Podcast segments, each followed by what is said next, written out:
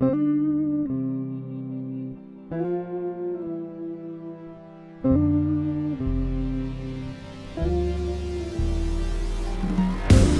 dat je luistert naar weer een nieuwe aflevering van How to Tussenpensioen. In deze praktischere afleveringen leert Sjaak mij welke stappen je kunt of moet zetten om zelf met een tussenpensioen aan de slag te gaan. Soms geeft hij me huiswerk, soms niet, soms hebben we iemand te gast en soms zitten we met z'n twee. We hebben het in deze aflevering weer over geld. Want hoe spaar je die centen nou bij elkaar? Dat doen we niet alleen. We spreken namelijk met Robin van de Spaarpodcast. Als iemand ons iets kan vertellen over geld sparen voor een tussenpensioen of een workation, dan is hij het. Zo, Sjaak. Ja. Daar zitten we weer. Even in een net andere setting. Want we zijn ook niet alleen vandaag.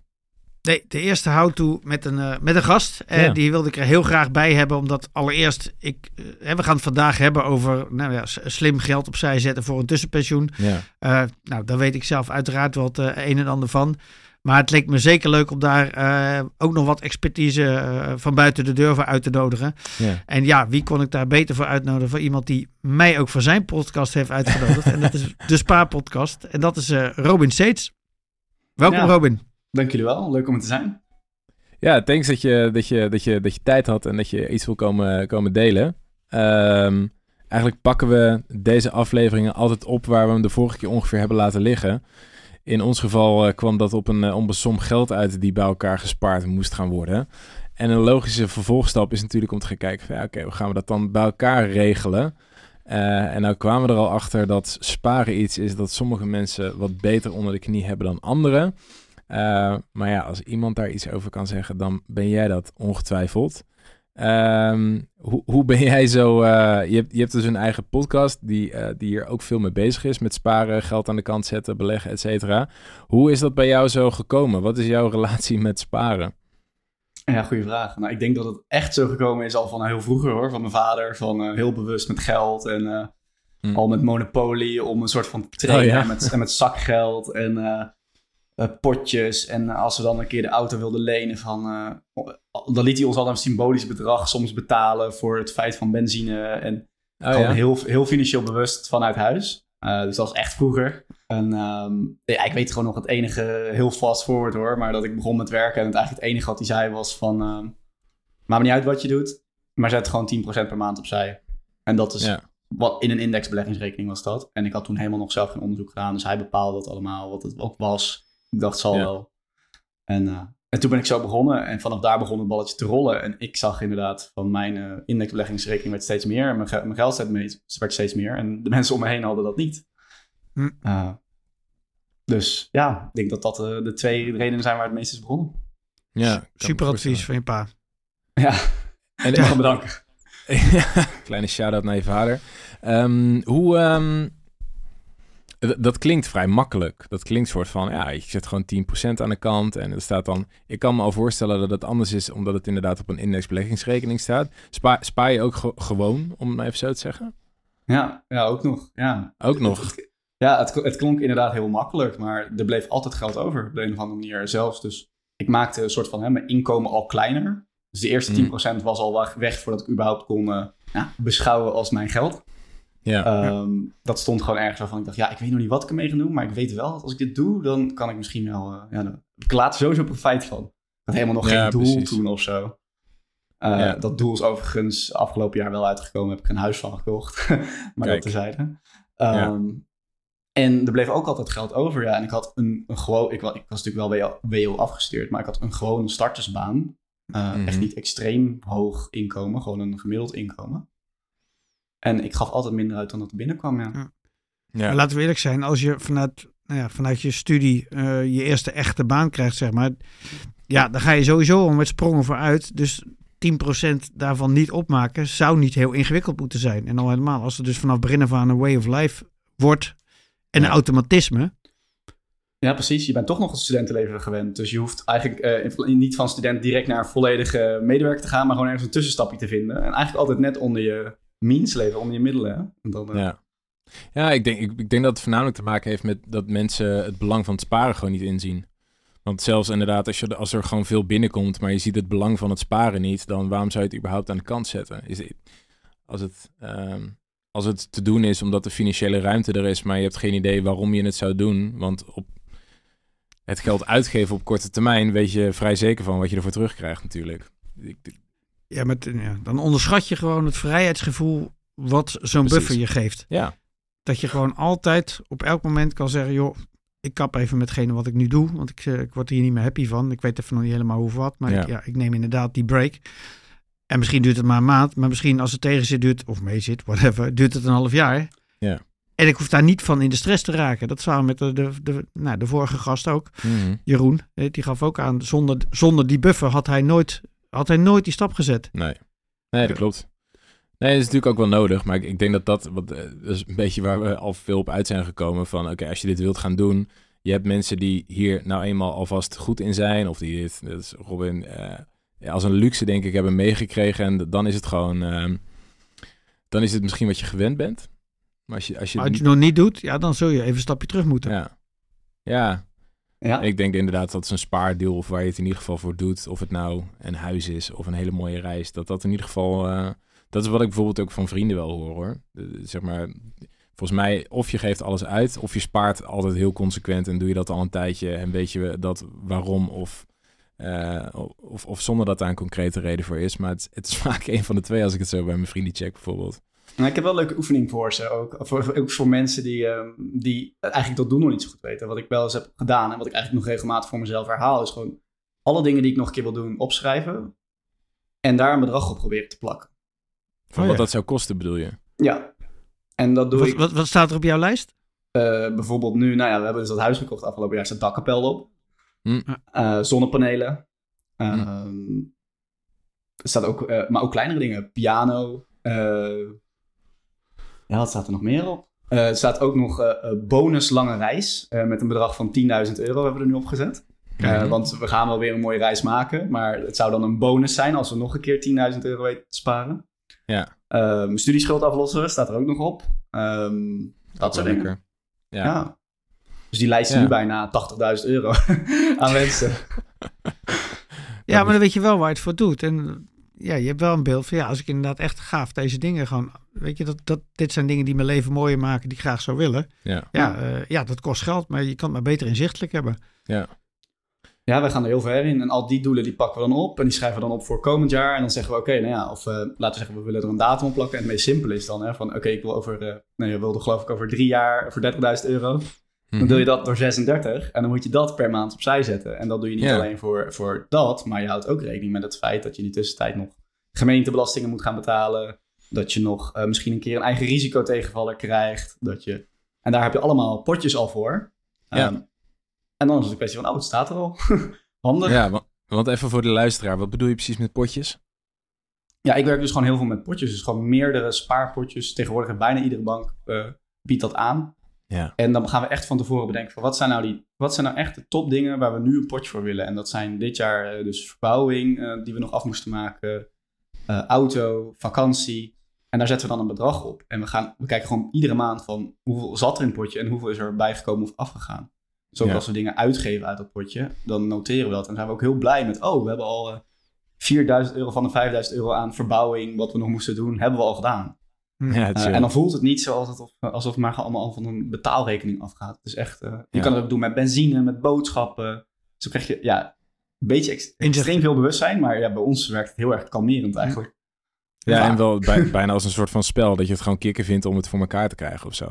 Zeker, want daarna word je alleen maar competitiever. Denk je, ja, eh, nu, kan, Ja, ja. Kan ik, nu kan ik nog meer. Ja, ja, ja, tuurlijk. Je kan opeens... eh, eh, is, is helemaal bijvoorbeeld waar het, eh, het, meest, het beste werkt is met een schuld aflossen.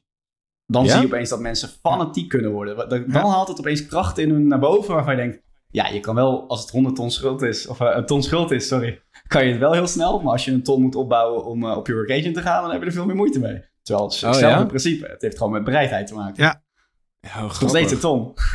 Ja, ja, precies. Daar verandert niks aan. Wat ik het bijkomende een zeer belangrijke voordeel vind van die doelen opschrijven, is dat het helpt bij het voorkomen van het nou ja, onnodig uitgeven van geld. Weet je, omdat het er toevallig is.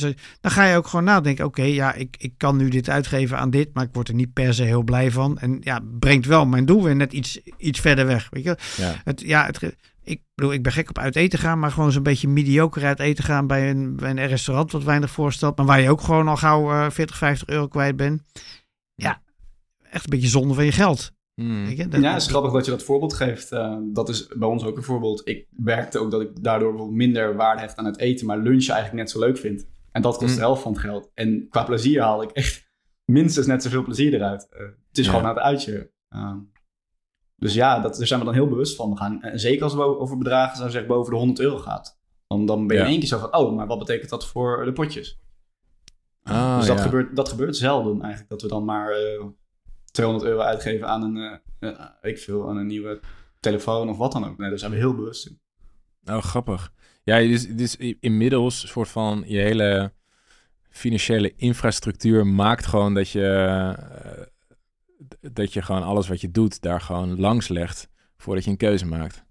Ja, ja, als het over significante bedragen gaat sowieso. En op kleine dingen zijn we nog niet super pietleutig. Nee, daar ligt een beetje, hè, want er is gewoon ergens een break, uh, breakpoint waar het niet meer heel erg gezond of leuk is als je dan uh, heel moeilijk doet en ruzie krijgt met vrienden omdat je 5 euro voor een cadeautje te veel vindt. Ja, daar, daar, Zit, dat, daar zit ergens een, balans in, denk ik. Ja, precies. Nee, ik kan me voorstellen. Heb je, heb je nog andere insights of tips waar je zegt, nou, daar, daar, daar kan makkelijk op bezuinigd worden?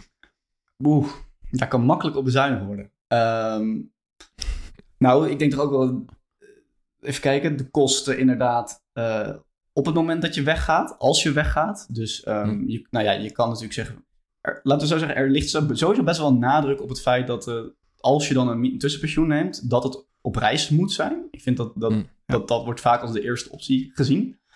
Um, maar je kan ook vier maanden weg en twee maanden thuis. Dat, dat is wel een ding.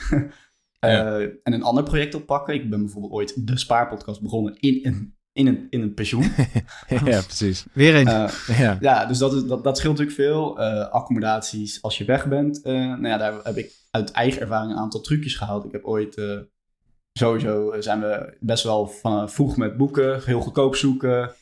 dat soort dingen. Maar ook, um, ik had bijvoorbeeld via Airbnb wat gevonden. Nou, die, die locatie ging ik nog een keer googlen. Toen vond ik ze via een andere website, was het veel goedkoper. Toen kwam ik in contact. Mm. Toen hadden bleken ze nog een ander huis te hebben. En omdat we zulke aardige huurders waren en uh, mochten we veel goedkoper de volgende keer nog een keer. Dus hadden we weer veel bespaard.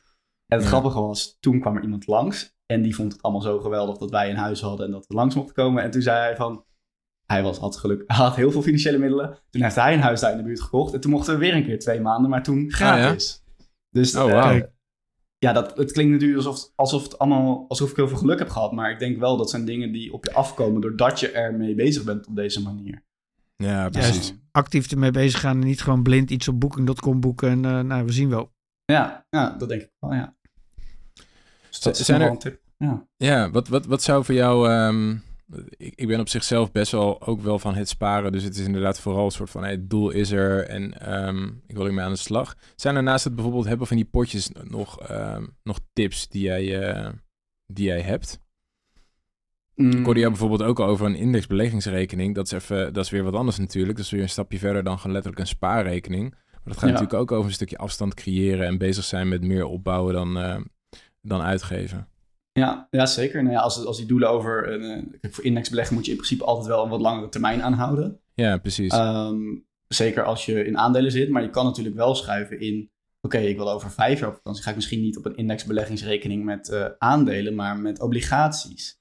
Hm. Uh, waardoor ik minder risico heb. Dus waardoor het bedrag in ieder geval verder weg staat. Nou, met een beetje geluk is het uh, eh, 4% meer waard. En met een beetje pech is 4% minder. Maar ik heb het in ieder geval niet uitgegeven. Ja. Uh, dus dat is een goede tip voor afstand creëren. Um, dat is wat betreft indexbeleggen. Er schieten er nog twee te Ik heb ook ooit mijn huren al opgezegd. Of uh, ik hm. hoor toch ook best wel vaak dat mensen dan niet bereid zijn om een huis op te zeggen. Ook is het misschien wel een koophuis als ze een jaar weggaan. Dat houden ze dan aan en dat staat dan leeg. Maar als je dat, als je dat berekent, dan is het wel je volgende uh, workation eigenlijk. Of je volgende tussenpensioen. Um, wat nog meer? Ja, ik, ik hoor tegenwoordig, deze is ook wel leuk. Ik hoor tegenwoordig steeds vaker werkgevers die hierop inspelen. Oh ja? Ja, een vriend van mij vorige week, HelloFresh, die bood hem uh, eh, 12 weken verlof voor 75% salarisbehoud als hij er drie of vier jaar had gezeten. Oh, dat is best wel een goede um, ja, en dat deed me ook denken aan een eigen keuze die ik heb gemaakt. Ik, had, uh, ik ben uh, iets meer dan een half jaar geleden van baan gewisseld. En ik had, ik had twee hele mooie opties.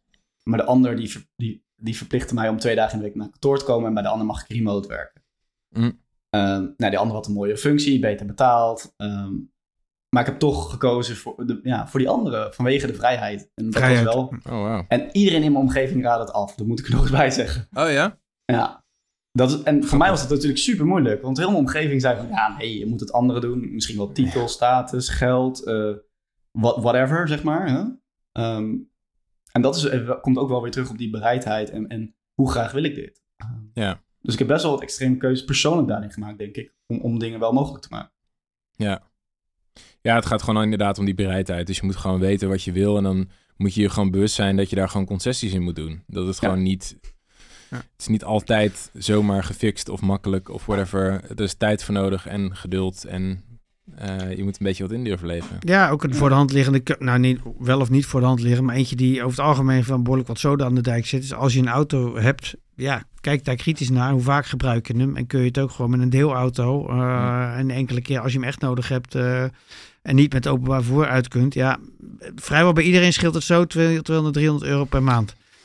Autobezit, ja. Ik heb er nooit tegen gehad. Ik, uh, ik vind het echt bizar hoeveel mensen een auto hebben die er heel vaak stilstaat. Uh, en ik snap het ook niet. Ik, ik, ik, ga veel liever op de fiets. En ik ben de laatste tijd ook nog eens heel erg... Uh, nou, niet heel erg. Het is mijn nieuw een beetje mijn nieuwe obsessie duurzaamheid.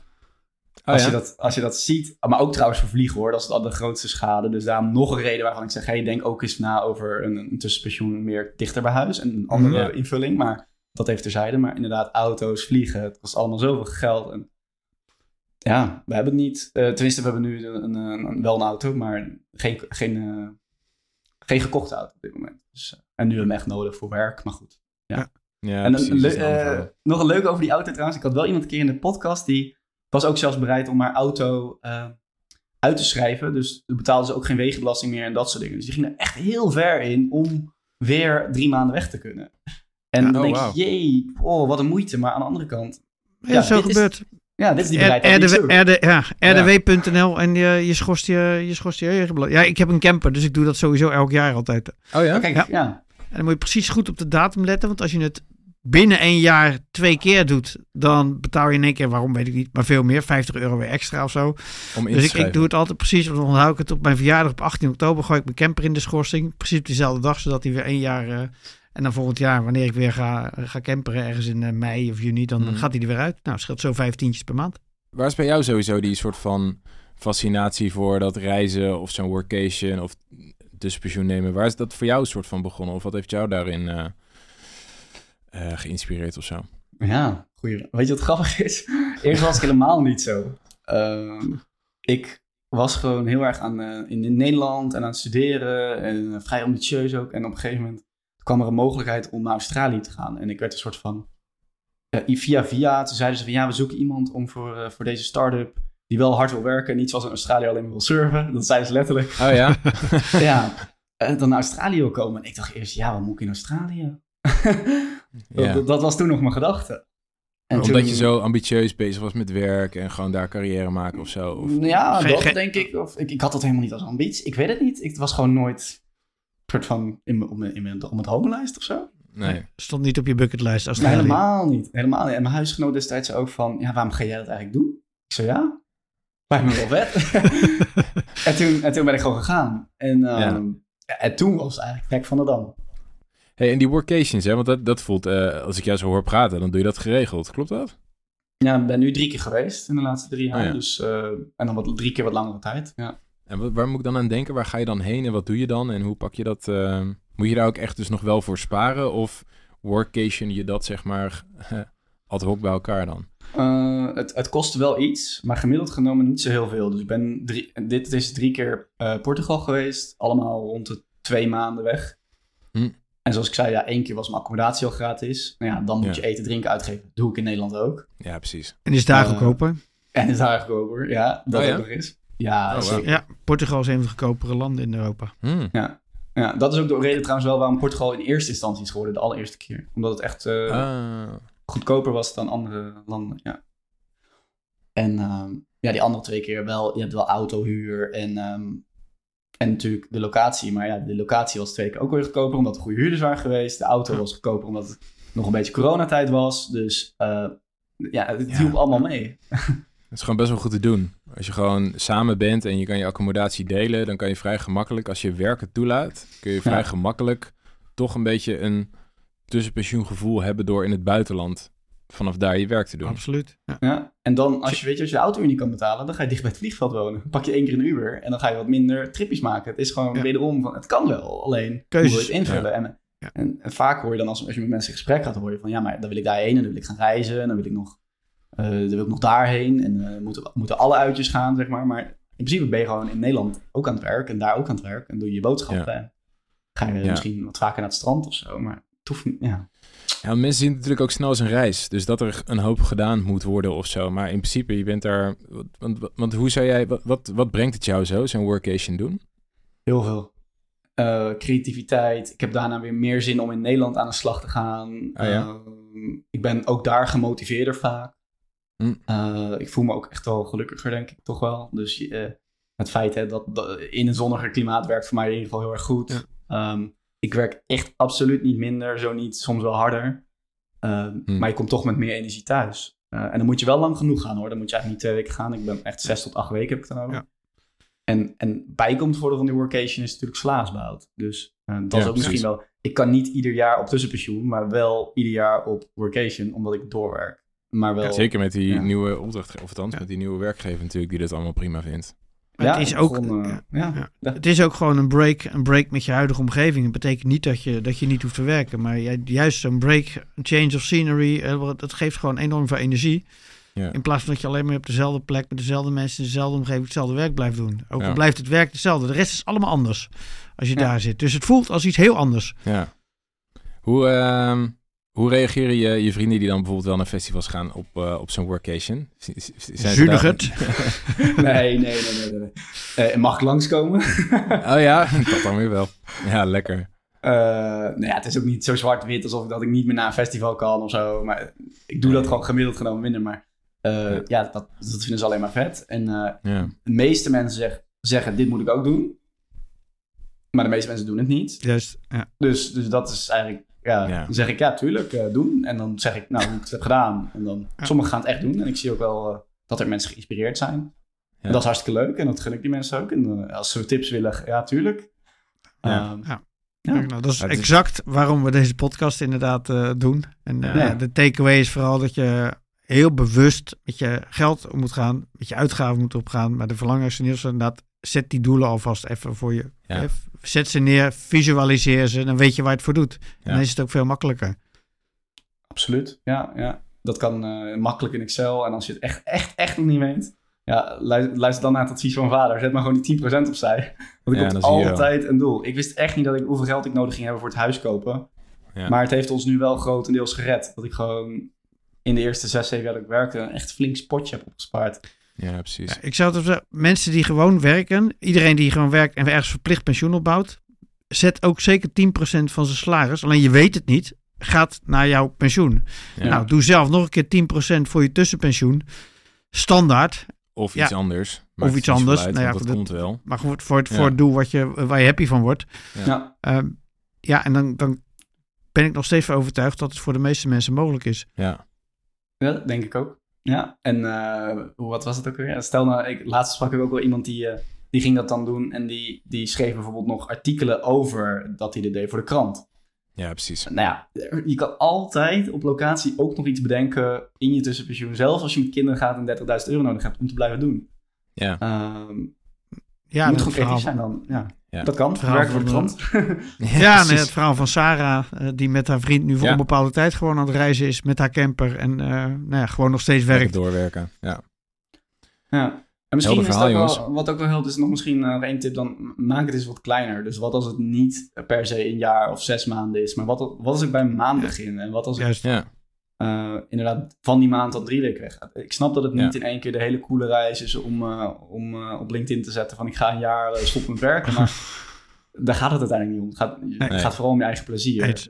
Ja. En, ja. ja, maar dat vind ik ook wel vet, weet je. Kijk, ik denk zeker als ik een beetje kijk naar mijn leeftijdsgenoten, dan zijn er veel die inderdaad prima een workation zouden kunnen doen. Dus het voelt voor mij een beetje als de soort van meest toegankelijke manier om toch dat breken met je omgeving en de benefits die jij net ook noemt, Robin, uh, om dat dan te ervaren, uh, door gewoon dat dan maar eens te doen, of met vrienden, of met partner, of desnoods alleen. Ja. Um, voelt wel toegankelijk. Ja, misschien wat voor jou? Misschien wel wat voor mij. Nou ja, ja, wie weet. Ik zit er wel over na te denken. Hebben we al eens eerder over nagedacht, maar ik had het nog niet eens echt als een tussenpensioen gezien. Maar... Nee. Je hebt ook heel veel house-sitting dingen tegenwoordig. Hè? Dat jij dus eh, op de katten van twee mensen gaat passen in Portugal. En aangezien je toch met je gezin bent, ga je waarschijnlijk toch niet zoveel reizen als dat je alleen bent. Dus dan kan je prima op het paard en de twee katten passen en dan daar werken. ja, ja, toch? Super ja. Chill. Ja. ja. Ja, nee, super mooi idee. Nou, nog een mooie tip op de valreep. Even gaan house zitten, inderdaad. Thanks, uh, thanks Robin. Goede tips. Ja. En uh, volgens mij uh, kunnen wij wel weer een stapje verder gaan zetten. Mooi. Gaan we doen. Top. Succes. Komt Dank goed. Thanks, guys. Deze podcast is een samenwerking tussen Geuren en Kleuren Media en Bright Pensioen. Wil jij nou nog meer informatie over tussenpensioenen? Check dan www.brightpensioen.nl slash tussenpensioen.